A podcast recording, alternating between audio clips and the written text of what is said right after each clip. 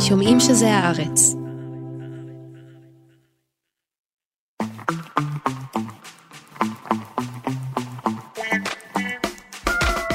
היי גילי, היי ניר. אה, אמיר פקטור שמקליט היום בניסן שעורכת. היי למאזינות ולמאזינים, אתם על תרבות יום א', פודקאסט התרבות של עיתון הארץ. שכבר ביום ראשון מספר לכם על הדברים המעניינים בתרבות השבוע.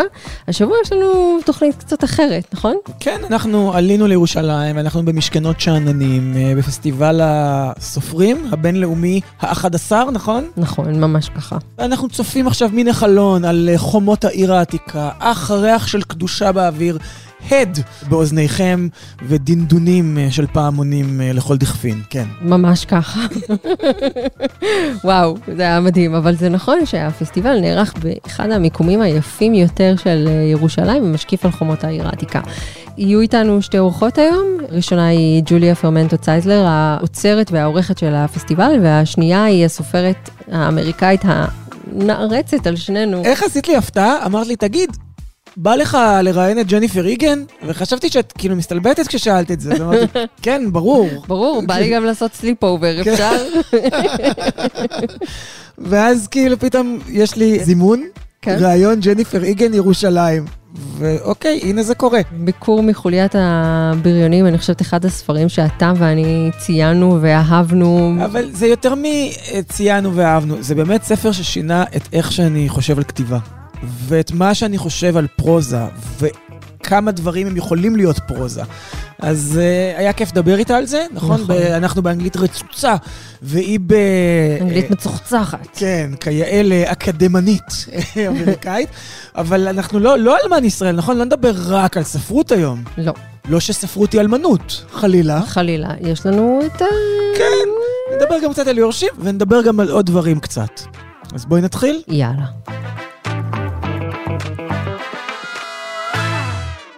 השבוע בעצם החל ממחר, יום שני, יתקיים אה, פסטיבל משכנות אה, שאננים, פסטיבל הסופרים במשכנות שאננים. זו השנה ה-11 שזה קורה, והשנה השנייה שעורכת אותו ג'וליה פרמנטו צייזלר, והיא נמצאת כאן איתנו, אהלן. היי גילי, היי ניב. היי ג'וליה, מה קורה? אז בעצם את פה עכשיו בשני כובעים, וגם בסיבוב הקודם כשערכת, גם הכובע של הסופרת שהוציאה את ספארי וכפר סבא 2000, וסיפורים קצרים אה, שפורסמו בכל מיני, נגיד אה, תל אביב נוער וכזה, וגם מצד אחר, פתאום עסקנות, סליחה על המילה ההסתדרותית, אה, כן, נכון. למרות שאין שום קשר בין שתי המלאכות, הכתיבה זה משהו שאני עושה בשעות הבוקר המוקדמות, והניהול של הפסטיבל הוא גם עבודה מדהימה וגם משהו שאני, במובן הכי פשוט, פשוט מתפרנסת ממנו. אז במובן הזה זה מאוד אה, נפרד. זה מאוד עוזר לי, אה, עצם העובדה שאני סופרת, אני מאוד מכירה את עולם הספרות, אז זה נותן לי כן איזשהו יתרון במובן הזה. אז זה את כאילו אומרת, זה שתי מלאכות שונות, אבל יש בטח איזשהו ערבוב בין הדברים, זאת אומרת, את סופרת, יש לך טעם מסוים, אז זה מכתיב את הסופרים שאת בקשר איתם, את האורחים שאת בקשר איתם, את ההוצאות שאת בקשר איתם. זו שאלה טובה, אבל uh, ברגע שלקחתי את התפקיד הזה, וישבתי והכנתי לעצמי חזון ומה אני רוצה לעשות עם העבודה הזאת, הטעם האישי שלי לא משחק uh, תפקיד בבניית התוכניה. אם זה הפסטיבל של הטעם האישי שלי, היו כל שנה אותם ארבעה סופרים, שניים מהם היו כנראה מתים. זה לא הטעם הספרותי שלי, אני מנסה, כשאני בונה את התוכניה של הפסטיבל, להביא את הדברים שאני רואה אותם כתופעות משמעותיות בעולם הספרות בארץ ובחו"ל. עכשיו, בארץ זה כמובן יותר קל. להביא את הסופרים מחו"ל זאת עבודה אחרת, שונה בפני עצמה, יש מיליון אילוצים, קשיים, יש המון BDS, אז גם אם אני מתחילה עם איזו תוכנית אה, חלומות של את מי אני רוצה להביא, אז אני חוטפת את המציאות בפנים אחר כך. אז אה, באמת להזמין את הישראלים ולהזמין את הסופרים מחו"ל זה שני דברים שונים לגמרי בהקשר זה הזה. בדיוק השאלה שרציתי לשאול, כי אני חושבת שמאז שאני מסקרת את הענף הזה, זה כבר כמה שנים טובות, אז כל שנה היא השנה הכי גרועה להזמין אנשים מחו"ל. ואני חושבת שהשנה הזו באמת התעלתה יפה ממש על כולם. וכל שנה היא השנה הכי גרועה להיות בסופר. נכון. זו לא שנה להוציא בספר. יש חפיפה מוחלטת בין הדברים האלה, אבל זה נכון, באמת להביא אנשים לארץ, גם אה, סופרים בדרך כלל אה, נוטים להיות אה, מזוהים יותר פוליטית.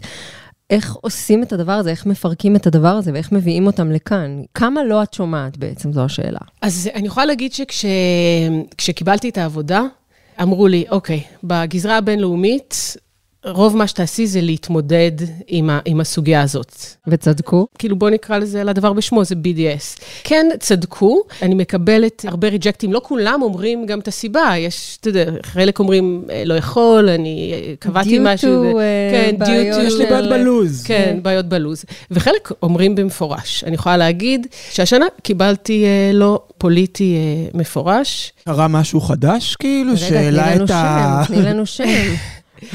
אולי יש ממשלה ש, שזה, כן. אוקיי, okay, אז אני יכולה לספר ש... אז השנה אנחנו מקימים, וזה קורה היום, את שלוחת פן אה, בישראל. השנה אנחנו פותחים את הפסטיבל עם כנס ההקמה של ארגון פן ישראל. פן הוא הארגון הבינלאומי של סופרים ברחבי העולם. כן. זה...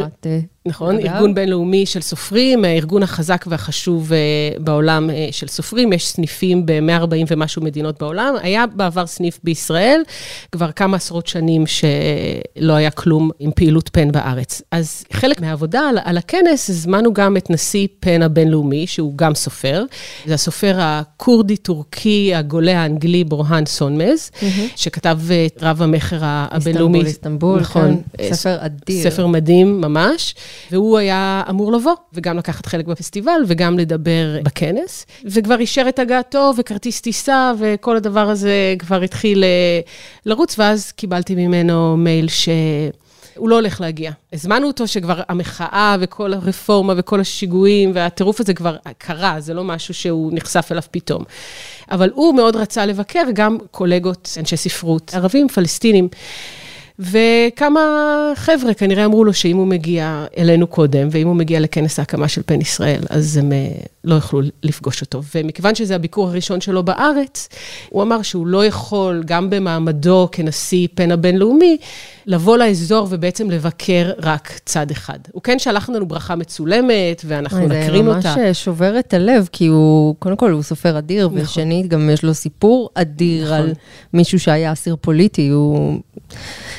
חבל ממש. נכון, אני גם רציתי שהוא יספר באמת את הסיפור הזה. הוא היה מתנגד משטר של הרדואן. הוא נאסר בזה, באחד מבתי הכלא באיסטנבול. כן, זה בעצם ה... חטף מכות ועבר, וגלה לאנגליה, ועבר... ש... כן, ולנוכח זה נראה לי שההחלטה שלו היא כמעט טריוויאלית או מתבקשת. כאילו, זאת אומרת, אני לא בעד חרם תרבותי, אבל אני חושב שבמקרה הזה... דווקא אולי זה יכול להגיע, בגלל שכמו שגילי הזכירה קודם, סופרים אנשים יותר מודעים ויותר עם, עם דעות יותר מוצקות ויותר מנומקות, אז גם אפשר להגיע לרזולוציות יותר גבוהות בשיח ובדיאלוג, גם אם, אם בקצהו תשובה שלילית. אני לא מדבר על שיח פומבי כמו שיכול היה להתקיים פה, אבל נניח שיחות שאת מנהלת. כן, אם כי לדעתי... אני לא מסכימה עם הביטול שלו, ואני גם אמרתי לו, תבוא לכאן, תשב במשכנות שאננים, תגיד שהחבר'ה, החברים הפלסטינים לא מסכימים להיפגש, תדבר על הכיבוש, דבר על מה ש... אבל זה, ככה, ככה משנים תודעה, לא לבוא. בסדר, אז אנחנו נשארים פה בלעדי דמות כמוהו, ולא שומעים את הדברים שיש לו להגיד. מהדהדים את הדברים שיש לנו ללהג אחד לשני. כן, בדיוק. אני מתקשה לחשוב על איך מרכיבים אה, לו"ז כזה. את יורה לכל הכיוונים, את יודעת מה את רוצה. אה, לא, אני משתדלת לא לראות לכל הכיוונים, או לכל הפחות להשאיר את העירייה לכל הכיוונים לרגע האחרון. בתחילת העבודה, אנחנו ממש כבר בספטמבר מתחילים לעבוד על הפסטיבל הבא. אני יושבת עם מנהלת, אה, מנהלת הפסטיבל עינת אשדוד, ומנהלת אירועי הלילה רוני ברודצקי, ואנחנו יושבות ועושות סיור מוחות, כדי למצוא איזושהי תמה, שבעצם תהיה חופפת לכל האירועים, או לפחות לרובם. והתמה הזאת היא נושא גדול שאמור לתפוס את רוח הזמן. והשנה, התמה שבחרנו הייתה ספרות בעת משבר. ולצערנו, היה בזה איזה משהו... אה, נבואי, כמו שספרות היא תמיד. כן. כן, לגמרי. והמשבר רק אה, הלך והתעצם. אז הפסטיבל באמת השנה הוא מאוד, לפחות הסופרים והסופרות שמשתתפים ורואים, הם מאוד פוליטיים. אבל זה משבר מסוג מסוים או משבר באופן כללי? זאת אומרת, היינו במשבר קורונה, אנחנו במשבר אקלים, יש עכשיו בישראל משבר פוליטי, כל העולם במשבר פוליטי. זאת אומרת, משבר הוא, הוא מושג מאוד רחב. נכון, משבר בהקשר אה, באמת הפוליטי, המדיני יותר נקרא לזה. ובגלל זה גם, נגיד, סתם, לדוגמה, סופר כמו בורהאן סונמז, אחת הסופרות שמגיעות, גולנז השמאנס דה בונדה, שהיא סופרת איראנית-שוודית, שגם הספרות שלה עוסקת בפליטות ובהגירה. סופר פולני שמגיע, שפצ'ן טורבוך, שגם עוסק בנושאים האלה. זה משברים מדיניים, היסטוריים, ואיך שהם נוגעים בספרות, ואיך שהסופרים מייצגים אותם בחייהם ובספרים שלהם. המאזינים שלנו אולי שומעים את דנדון הפעמונים ברקע, וזה משום שאנחנו מקליטים פה ממש במשכנות שאננים. אבל תספרי לנו על האירועים שיהיו כאן. מה ככה להצמיד בסיכה ביומן? אני אתחיל מהאירועים אה, של הסופרים הישראלים. אה, אנחנו עורכים ערב מחווה מאוד מאוד חגיגי לסמי מיכאל, אפרופו סופרים פוליטיים, אה, אירוע שקראנו לו הרדיקל, כי סמי באמת אחד הסופרים הכי רדיקליים בספרות העברית, וגם נדבר על הספרות שלו גם בהקשר הזה של העבודה והפעילות הפוליטית שלו בתוך הספרות ומחוץ לספרות. גואל פינטו ינחה את הערב הזה, וישוחחו רחל אליאור, בני ציפר ושלומי חתוקה. חנה אזולאי הספרית תקריא מספריו. באירועים הבינלאומיים מגיעה הסופרת האמריקאית ג'וליה מיי ג'ונס, שכתבה את, אה, את הרומן ולדימיר. Mm-hmm. אפרופו קורונה, זה סיפור מאוד מעניין, היא, ישבה, היא בכלל מחזאית, ישבה בקורונה, לא הייתה לה עבודה, כתבה את הספר הזה, נהפך לרב מכר עולמי. אז היא תגיע ותשוחח עם דנה ספקטור, ונועה קולר תקרא מה, מהספר במהלך האירוע. ויש אה, ביום חמישי בערב הופעה של אילן פלד, שיקריא ו... ויופיע משירים שלו, גם המוכרים וגם החדשים, אז זה מאוד מאוד מרגש. זה נראה לי ככה שלושה אירועים אה, מהגדולים, הבולטים יותר. אני יכולה להגיד כמשתתפת כמעט קבועה, שנה שעברה החמצתי את הפסטיבל בנסיבות אה, בריאותיות, ומי שנשלחה להחליף אותי ולשוחח עם אה, ג'וש כהן, ג'ושוע כהן, מצאה את עצמה נישאת, לא בסוף. אז, אה, אז אה, אם הייתי מבריזה השנה, מי יודע מה היה קורה בגזרת השידוכים. אה, אבל אני יכולה להגיד, כמשתתפת בפסטיבל מדי שנה, יש פה אווירה אחרת ואיזשהו קשב אחר, וכל כך יפה, וחולי כאן למראה שאנחנו יכולים רק... אפילו מזג האוויר פתאום התאפר כולו. כן, במאי, מי ידע. ג'וליה, תודה רבה שהייתי תודה לכם, איזה כיף, תודה.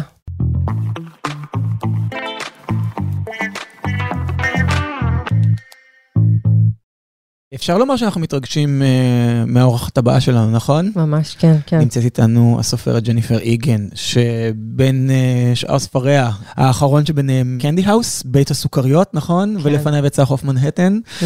ולפניו יצא מפגש עם חוליית הבריונים, שהוא ככל הנראה, הספר האהוב עליי uh, בעולם. ברשימות uh, סיכום העשור של שנינו, אני חושבת. כן, uh... Uh, וזה די מרגש uh, שנמצאת פה איתנו. את יודעת, זה, זה ספר שהוא מעבר לאהבתי אותו כשקראתי אותו, הוא גרם לי לחשוב אחרת על כתיבה, ואיך כותבים סיפור, ואיך כל מיני אלמנטים שונים יכולים ביחד להתלכד למשהו שהוא גדול מהחיים, נכון? כי זה ממש ככה, איזה כיף שיש לו עכשיו המשך. נכון. כי אה, אה, בית הסוכריה, הסוכריות, קנדי האוס? בית הממתקים, בית כן. הממתקים. אז הוא ההמשך שלו, ואנחנו לצורך אה, אה, דיבור עליו, ובכלל, אה, נמצאת איתנו כאן ג'ניפר איגן. היי ג'ניפר, we're so pleased to have you here. I'm happy to be here. Thank you for coming. My colleague here uh, talked about the different shape of the book, the different shapes that you write in. So can we talk about the technique of writing? Do you know in advance what you're going to write and how you're going to do it? I really do not. I am definitely an improvisational writer, I would say, at, for my first draft material. And I've come to think more and more that for me, the act of creating fiction is sort of like dreaming, but with slightly more control. And I think a lot about dreaming lately because when we dream, we actually are making art. We create symbolic narratives out of our everyday lives. And sometimes they're really incredible. Sometimes they're very obvious, just like all kinds of art.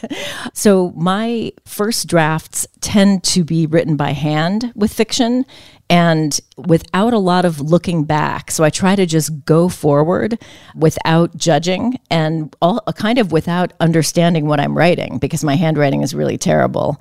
And I don't read it over when I'm done. I write five to seven pages and then I pick up the next day. I read back through just to figure out where I was and I keep going. And what really my portal into fiction tends to be rather than characters or plot, actually a sense of environment, a sense of the atmosphere, where we are is what I know first. And then comes who is there and then comes what they do.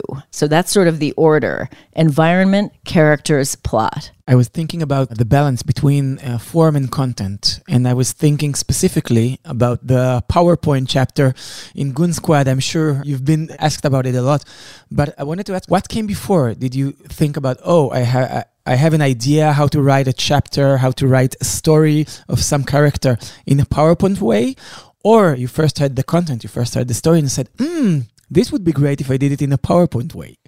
Well, it's it's actually a little more embarrassing than that. I didn't know what PowerPoint was. We're talking 2008, right? 2007? 2000 and I guess it would have been 2000 and yeah, uh, at 2008 when I yes, because it was during the the presidential election. I remember specifically reading about how Obama had been behind and then suddenly he pulled ahead. And everyone attributed this change to a PowerPoint presentation that was shown in his campaign to the staff.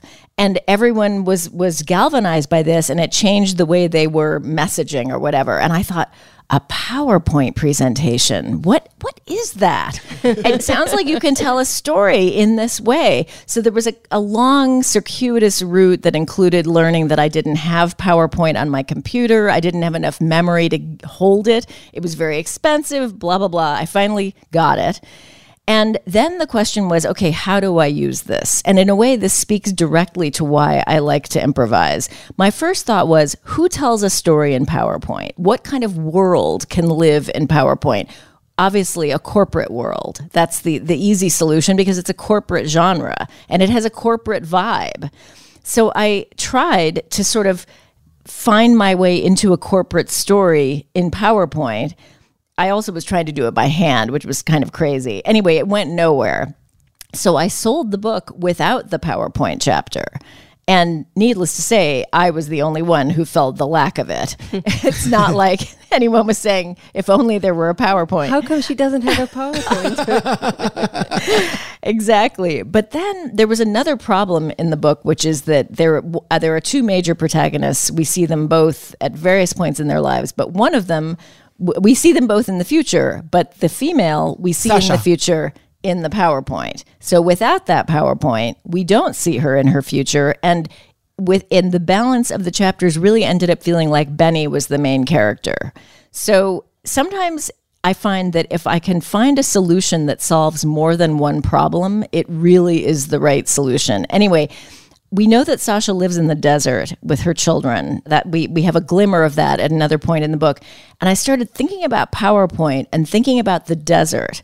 And I I began to have this sense of an environment, this desert environment in the future. And I began to feel like I could actually render that in PowerPoint.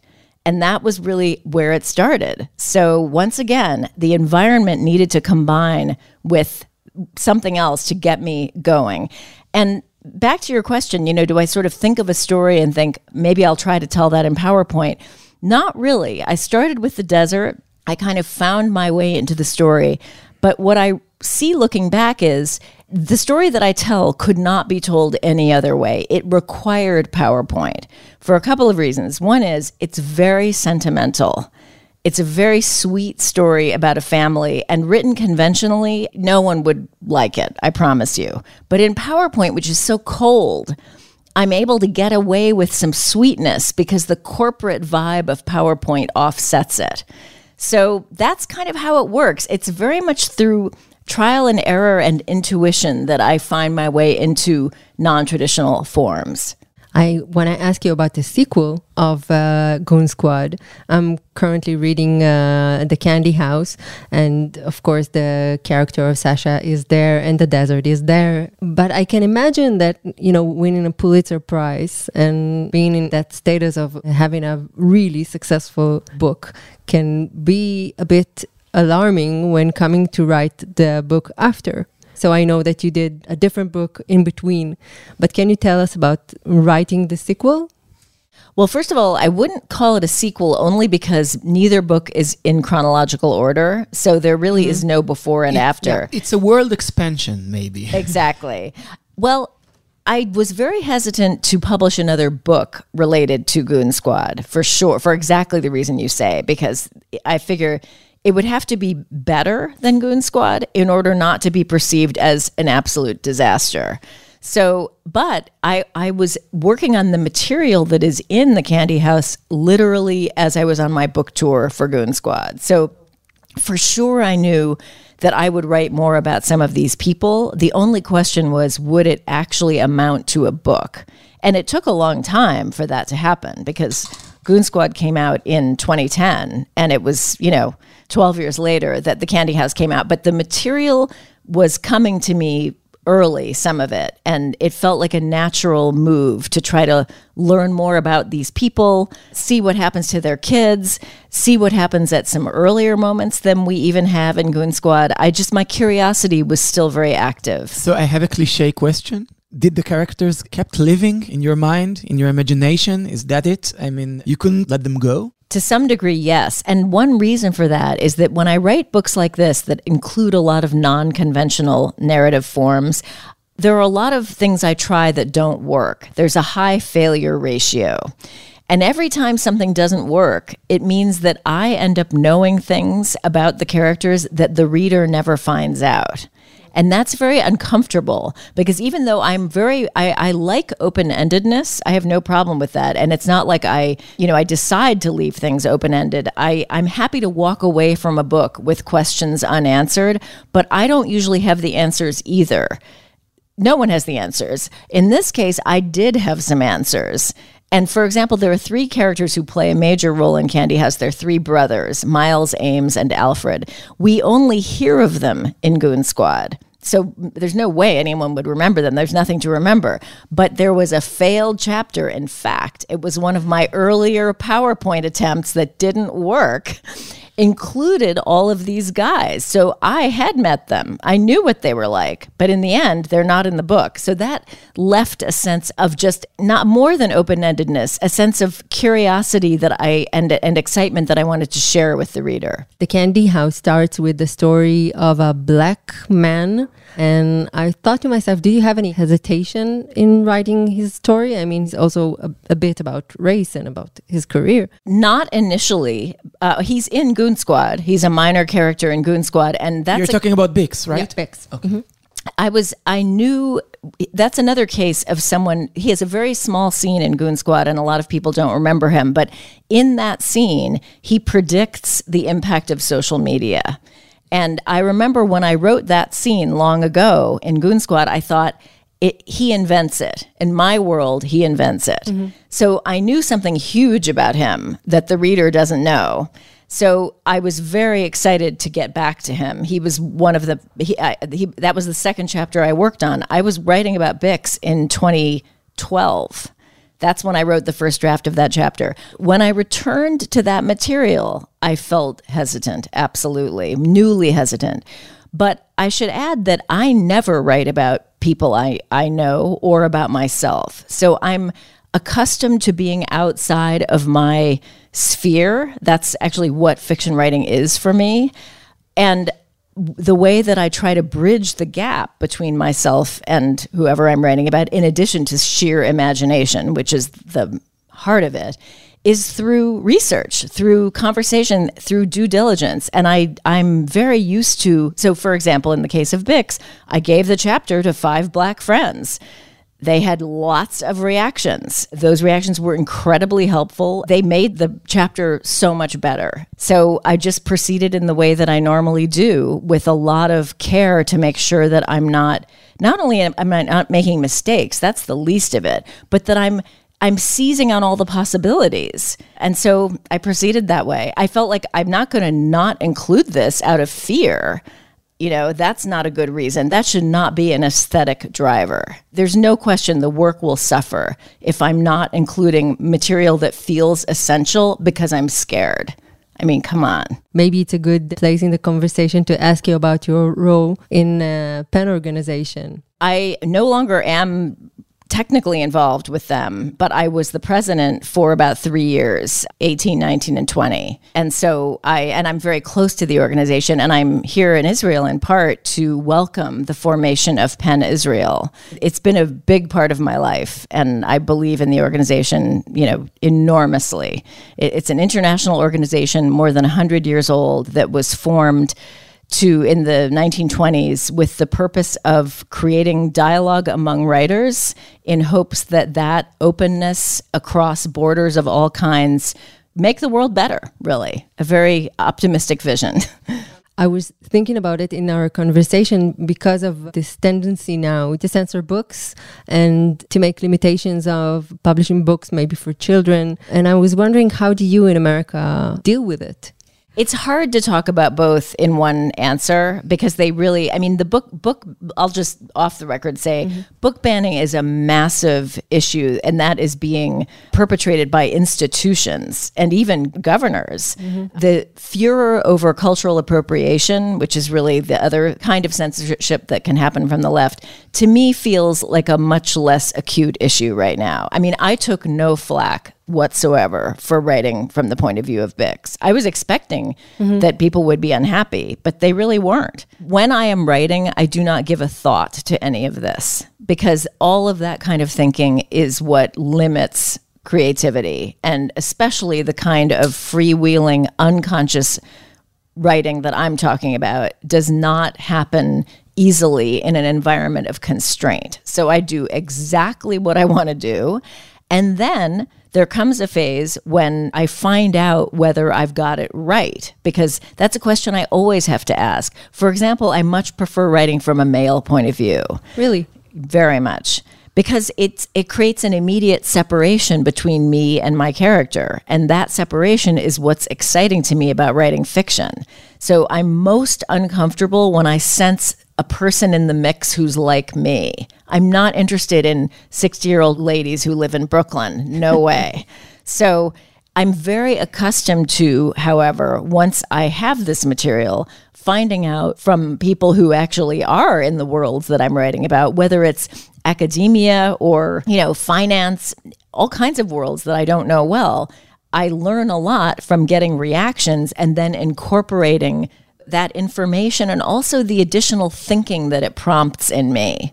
So that's the way I deal with the problem of being wrong, which is the only thing I worry about. If someone thinks I don't have the right to write from the point of view of a black man, that's not someone I'm going to convince no matter what. I disagree. I believe in freedom of the imagination. We can agree to disagree. I don't worry at all about censorship from the right because it's ridiculous and very frustrating, and I don't care. I don't worry about that. It is a huge issue for Pan America. We're doing a lot about this because it's outrageous. I mean, I think more books are being banned in America right now since the McCarthy years in the 1950s. I mean, it's a huge and shocking phenomenon. We're talking about the Tucker Carlsons of the world, right? It's also it happens on a local level. I mean, Tucker Carlson is a is a huge, you know, media star, but not anymore. Well, for for 10 minutes. But, you know, at local libraries there are arguments over books. Librarians are being threatened, school curricula are being adjusted in schools. I mean, on every level there's an effort maybe it's called a reckoning with wokeness, but what it really is is an effort to suppress awareness of sexual difference and the racial history of America. Of course, it's not even the text. Sometimes it's the one who reads it. I mean, you can't let transgender woman read a story to the kindergarten children because I don't know of that situation, but it wouldn't surprise me at all. There was uh, something with like drag queens uh, reading children's stories children in Israeli libraries. There hmm. was a hmm. project in it. It got cancelled. Cancelled. yeah. Yeah, exactly. So they're, eh, the very people who are decrying cancel culture are actually legally shutting down expression. So there's a lot of hypocrisy there. Those are the real cancelers. I think so. I wanted to ask if you don't mind, you experiment a lot, so maybe about failed experiment with writing something that you thought might be brilliant or you had high hopes for and then you experimented with it and it was a total failure. Yes, uh, there's. I'm. Uh, my only problem is which of the ten thousand anecdotes I could tell you is the best one. I think I'll. Actually, I'll tell you about one that ended up working out because it will, I think, illustrate how the trial and error process is so useful, even though it feels bad in the moment because it feels like failure. So there's a chapter in The Candy House which is pretty unusual. It's it was written for Twitter, but Twitter at 140 characters, so half the length of Twitter today and um, it's it's a spy. It's a very genre esque spy story that is narrated by the spy herself in the form of thought bulletins, because there's actually a machine implanted in her brain that allows those to be transmitted. And she's been instructed not to describe what she does, but to describe what she has learned from each thing she does. So, for example, when I wrote the first draft of this story, the first line was baby jellyfish do actually sting. so, what I like about that, although I ended up losing the whole jellyfish narrative, so it's not in there, but what we learn, we learn something and we also learn something else. We learn what just happened in addition to learning what the character learned. So, anyway, this spy story happens, and because it is a spy story, one of the nice things about genre is that it controls the reader's focus. And so in a spy story, we're we're there for the adventure and to find out what happens. We're not worrying too much about what kind of traumatic aftermath the mission might have. But in fact, Lulu, our spy, undergoes some really terrible things in the course of this chapter. She's raped, she's shot. You know, it's harrowing. And that's not it's it's that material is present, but it's not the focus. I knew if I wanted to incorporate that chapter into a book, I would have to reckon with the aftermath of this trauma. I can't just pretend none of that happened. So that was the biggest challenge of the Candy House. Could I find a way to revisit Lulu later and sh- and deal with what has happened to her? So my first thought was what if I write this also for Twitter at 140 characters? And the conceit is Lulu's back home, but she can't stop narrating her life in these thought bulletins. I thought that was such a great idea. And it had worked pretty well for me in the spy story. Like I was able to hit a lot of notes, even in this limited form. There's humor, there's irony, there's pathos.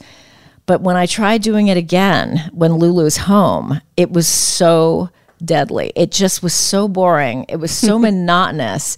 And I have a writing group that I rely on very heavily. And I remember just reading some of this stuff and feeling that it was like a lead weight on the room. So I finally had to let that go. And I thought, okay, what's another thing I can do to to tell the story of Lulu's the aftermath of her trauma. So then I thought, I'm going to tell it in the form of therapy notes written by her therapist. So that also is a non traditional form that seemed fun. It went absolutely nowhere. So the pages were piling up, and so were the months that I had spent trying to do this. So I sort of put the whole thing aside and I thought, once again, this might not be a book. um, but then there was another thing I really wanted to have in the book, which was an epistolary chapter. So I think a lot about the origins of the novel, the very earliest novels, which were very what we would call experimental. And many of them were written in the form of letters. Mm-hmm. The longest book written in English is not Infinite Jest, it's Clarissa by Samuel Richardson, all written in the form of letters. It's a masterpiece. So I thought it would be great to have a chapter in the form of letters. And I entered into that realizing that in this ensemble way, I could actually approach Lulu, the aftermath of Lulu's mission. So I did finally do it, but there were so many problems along the way and accidents and hitting dead ends. But, you know, who cares if, if it works in the end? yeah. Jennifer, again, thank you so much for being here. It's a pleasure. Thank you for having me.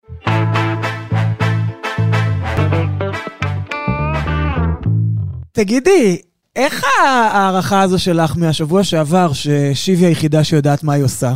איך זה השתלם לך, ההימור הזה? אני עדיין חושבת שהיא היחידה ש... ממנו כשהיא באה לרומן ואומרת לו, לטובתך, אל תעלה עם קנדל על הבמה. ומה קורה מפה? רומן מפקיר את uh, uh, ה-CEOיות לקנדל בלבד. אבל מצד שני, היא ממשיכה לבחוש, היא לבחוש. כן, היא יכולה לבחוש כמה שהיא רוצה, עם uh, מצון, ועכשיו גם עם בעלה וזה. אבל העצה הטובה שלה לרומן, לא הייתה עצת אחיתופל. את מכירה שאת אומרת למישהו זו עצת אחיתופל, ואז יש את הנודניקים שאתם תמיד אומרים, אבל עצת אחיתופל היא בעצם הייתה עצה טובה. אז זה לא הייתה עצת אחיתופל. הייתה פשוט עצה גרועה. אמרה לו, אל תעלה על הבמה, והוא כאילו הפקיר את קנדל, וקנדל היה שם לבד, ומסכן, ועוד שנייה הוא היה עושה קאבר לשיר של בילי ג'ול, שהוא כמעט שר ביום הולדת 40 שלו, נכון? מהמם. ואז פתאום הוא התעשת, והכל קרה. אבל אתה מציג את זה כאילו זה היה איזשהו אה, ניצחון, ואנחנו הרי שנינו יודעים שזה יחזור ונשלח אותו בתחת, נכון? ביורשים כל ניצחון הוא רגעי. אנחנו מודדים פרק-פרק. ול... אבל מה שהולך להיות שם, ומה שהיה בפרק הזה, זה תצוגת תכלית של הנרקסיסט הגדול מכולם, הנרקסיסט העומד לבכות. תצוגת תכלית של כל מה שהוא, כל ההונאה שהוא יכול לעשות, כולל על עצמו, ואנחנו נראה את זה מתרסק התרסקות אפית לדעתי בקרוב. אני לא יודע אם זה נכון, משום שאנחנו קולטים ותופסים את הדברים כמו אנשים נורמטיביים, כמו אנשים מן השורה. זה, זה, המשחק הזה הוא לא בשבילנו, זאת אומרת, כל ההצגה הזו, כל הפרזנטציה עם המעיל טייסים והדיבור עם זה לא אלינו, זה לבעלי מניות, זה לדירקטוריונים, זה...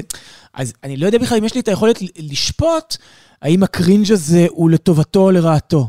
לא, לא, ברגע שהמספרים לא יסתדרו עם המספרים שהוא בישל שם, הדברים הולכים להתרסק לו בפרצוף. אבל הנה הם עלו, אבל זה בדיוק העניין, הם עלו. אתה מבלשט את המבלשטים, זה, זה עולם של הונאות. אנחנו נעשה ככה ונגרום ככה, ואת בטוחה שהוא עוד שנייה יתרסק, ואת בטוחה שהוא עוד רגע ייכנס להתקף חרדה ושהכול יתרסק על הבמה. ולא, לא, כאילו... ואז עוד יש את הציוץ של מצון, נכון? שהוא, אני לא יודע אם זה בורדרליין אנטישמי, או שהוא... לא, אבל זה משהו ששיב אומרת לו כן. לעשות, כן.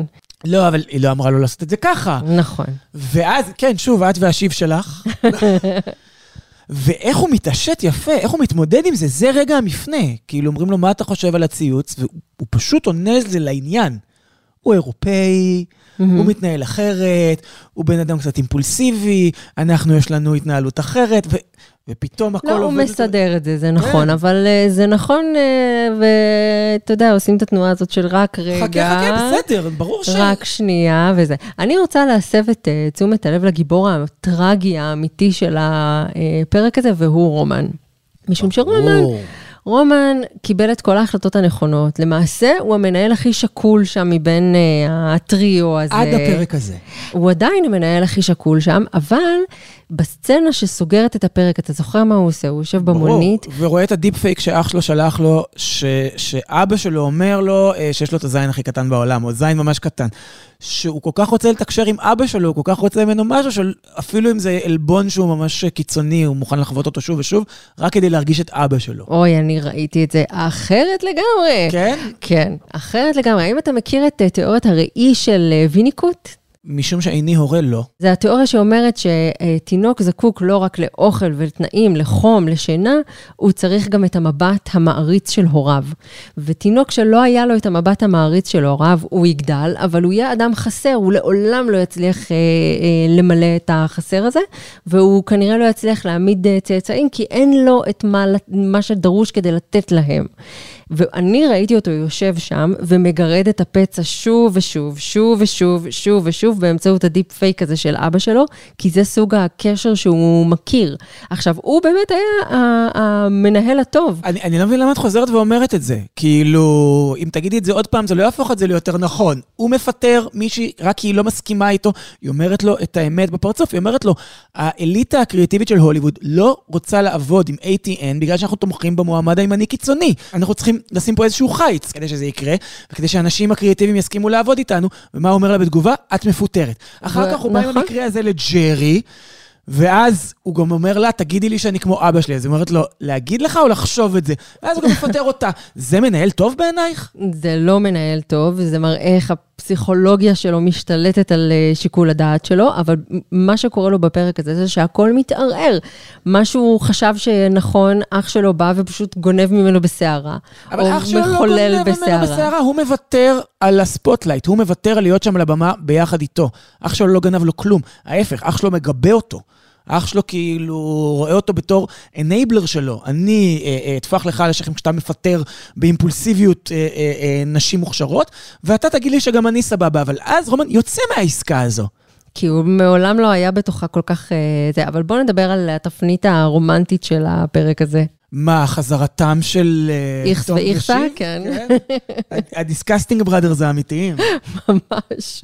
איכי ואיכה. איך כאילו מתקיימת משיכה מינית בין השניים האלה? אני לא יודעת. תום וואמסגנס הוא כנראה האדם הלא מושך ביותר שמתהלך על אה, פני האדמה. את לא נמשכת לטיפוסים ממינסוטה? וגרג. אני לא יודע מה להגיד לך, אני חושב שהכל שם אינטרסנטי בהקשר הזה, ומה שהרשים אותי, זה שהם יכולים להיות זוג רק בגלל שיש להם סרוגייט, וזה מצון. וכל ה- הדינמיקה של הסדרה הזו היא בשלישיות. וזה נורא מעניין, וזה זה מצחיק, כי בפרק הקודם של טד לסו, לא סדרה באותה רמה של יורשים, אבל עדיין סדרה מהנה אה, אה, בפני עצמה, בטח לאוהבי כדורגל. דיברו על התקפת המשולש של אה, שיקגו בולס, שהמציא טקס ווינטר, לא משנה. והמשולש הזה, זה, פתאום אני רואה שיש התקפת המשולש גם ביורשים, תמיד יש משולשים, שלושת האחים, פרנק, קארל וג'רי. עכשיו תום שיב ומטסון, זאת אומרת, הכל שם נע באיזה מין מצולעים כאלה מאוד מעניינים, וכל הזמן יש משולשים. טרויקות של מושכות לכ- לכיוונים אה, כן. מנוגדים, כן. ואני חושב שדרמטית זה נורא נכון, וזה גם מראה קצת את, את הדינמיקה שמאחורי. חוץ מזה, רציתי לשאול אותך מה אתה עושה עכשיו. אה, והאם אני יכולה להזמין אותך לטורניר של נשיכות?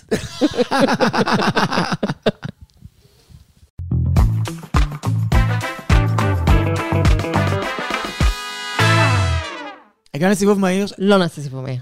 אל תעשי לי זו... אני רוצה להגיד שלא יהיה סיבוב מהיר לא בסיבוב נעשה מהיר. סיבוב מהיר. אבל עכשיו את סתם מבזבזת זמן, שיכול היה, את משחיתה זמן. אה, אה, על לא סיבוב. מהיר, כן, כן. טוב. אז רק נגיד שעל מה נדבר שבוע הבא, כי הייתה תוכנית אה, ארוכה היום, אז שבוע הבא נדבר על מלא דברים, ומי שרוצה ורוצה לעשות שיעורי בית, מהמם. כדי להיות איתנו aligned בשבוע הבא, סליחה, נחנקתי פה מאגוז. האגוזי מלך האלה, איזה מלך. נורא. אז רגע, מה, על מה נדבר איזה שבוע הבא? אבא אגוז קורא לילד שלו מלך. שבוע הבא, אנחנו נדבר על הדיפלומטית. הדיפלומטית, כן. הדיפלומטית, הסדרה שאנחנו... יחסי אהבה, שנאה, אני- תיעוב הנאה. כן, תיעוב הנאה. נכון. הנאה תיעוב יותר. אני נהנית ממנה וגם אומרת מה היא רוצה. כזה, אני נורא רוצה לדבר גם על אה, סיילו, סדרת אה, מדע דיסטופית חדשה באפל, שיצר אה, גרם יוסט. גרם יוסט זה האיש שעשה את Justified, צדק אה, פרטי, אה, על פי אלמר ליאונרד, והוא הבן אדם שנתן את הבוסט לאמריקאים. את זוכרת שהאמריקאים בעונה הראשונה הייתה סדרה כזו, בסדר. ואז פתאום בעונה השנייה היא נורא קפצה, זה כי גרם יוסט הצטרף ל- לצוות שם. חשבתי שזה קשור להחלקה של קרי ראסל, לא, כשהיא בדיפלומטית. שהיא הדיפלומטית. כן, מה עוד נדבר? יש את סט זוגי, סט זוגי, אחלה סדרה, ממש נהנית ממנה מאוד, אה, כזה מין אה, טייק על אה, הוליווד ומה קורה שם אחרי אה, שאני, מיטו. ולדעתי גם את, אני נורא אוהב את הדברים האלה, כמו נגיד אפיסודס שהייתה, אני אוהב שהוליווד נוברת בעצמה, יש אנשים שסולדים מזה, למה הם כל כך אגוצנטרים? הם צריכים להבין שהם לא מרכז העולם. נכון שהם לא מרכז העולם, אבל הם טיפה ליד, והם גם יודעים לצלם את זה נורא טוב. וגם יש להם את ה... באמת כישרון לסנן בדיחות נורא מצחיקות אה, כזה באגביות, ואת זה אני מאוד מאוד אוהבת. והייתה עוד סדרה שרציתי לדבר עליה, רציתי נכון? לדבר על סליפ, שבעברית אה, תרגמו אותה למיטות מסתובבות באימא שלכם. אמיתי אמיתי? מה זה? מיטות מסתובבות? עוד, עוד מולטיברס, עוד כאילו בורגנים שבשביל להצדיק את, ה, את, את החיים המשעממים שלהם, אז אומרים, אבל ביקום אחר, אני משהו אחר, יש לי רומן עם ההוא שרציתי אותו, ובסוף זה לא יצא, וביקום אחר, אני בכלל רקדנית פלמנקו, כן. ויש לי חיים סוערים, ביקום אחר, אני עושה שורות על הבר, כן, נו. משהו כזה, אבל כל פעם היא עוברת בין יקום ליקום כשהיא גומרת. אה, זה מצחיק. אז זה דווקא מצחיק. ונדבר גם על מוזיקה, ויהיה ממש כיף, ויהיה עוד יורשים, ויהיו לנו אורחים מפתיעים. אה, וקטרינה שלוש עולה, אתה יודע, אני לא נושמת. יואו, אה, ומתי מגיע גברת דייוויס לישראל? לדעתי עוד שבועיים. הלינדלוף החדש. תקשיבי, ראיתי כבר חמישה פרקים, אימא'לה ואבא. טוב, יאללה, שבוע הבא, כן? אה, יש לנו על מה לדבר.